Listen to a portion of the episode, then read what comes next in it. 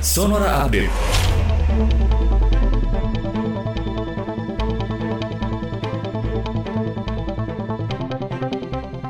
Sahabat Sonora Taman Mini Indonesia Indah atau TMII membatasi jumlah pengunjung hanya sebanyak 30% dari total kapasitas pada libur lebaran tahun ini.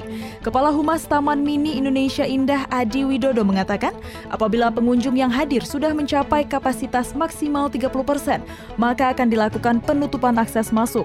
Adi Widodo melanjutkan bahwa jam operasional Taman Mini Indonesia Indah dimulai pada pukul 6 hingga 18 waktu Indonesia Barat. Selain itu, untuk antisipasi banyaknya pengunjung, Taman Mini telah menyiapkan sejumlah fasilitas untuk mendukung protokol kesehatan.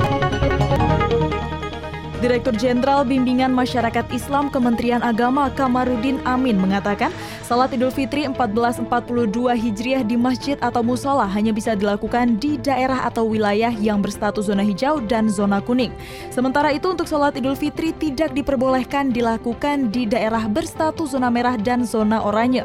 Kemenak mengimbau masyarakat untuk melakukan pengawasan dan juga pemantauan terkait penerapan protokol kesehatan.